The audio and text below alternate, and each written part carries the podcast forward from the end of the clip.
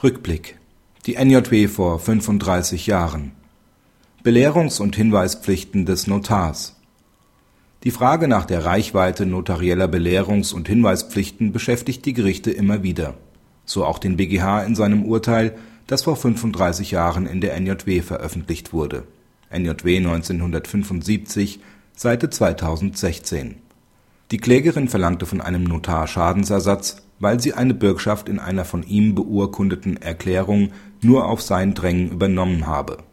Das OLG Zweibrücken hatte nach vorheriger Klageabweisung durch das Landgericht eine Pflichtverletzung des beklagten Notars bejaht.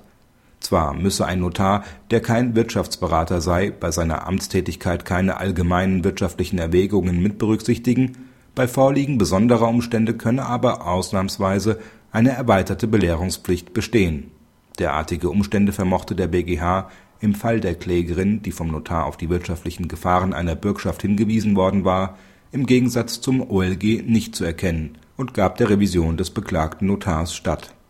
Das aktuelle Heft der NJW enthält ein Urteil (NJW 2010, Seite 3243), in dem vom BgH ausnahmsweise eine erweiterte Belehrungspflicht eines Notars angenommen wurde der Notar hatte die Käufer einer zu erstellenden Eigentumswohnung nicht auf den zum Zeitpunkt der Beurkundung im Grundbuch eingetragenen Zwangsversteigerungsvermerk hingewiesen.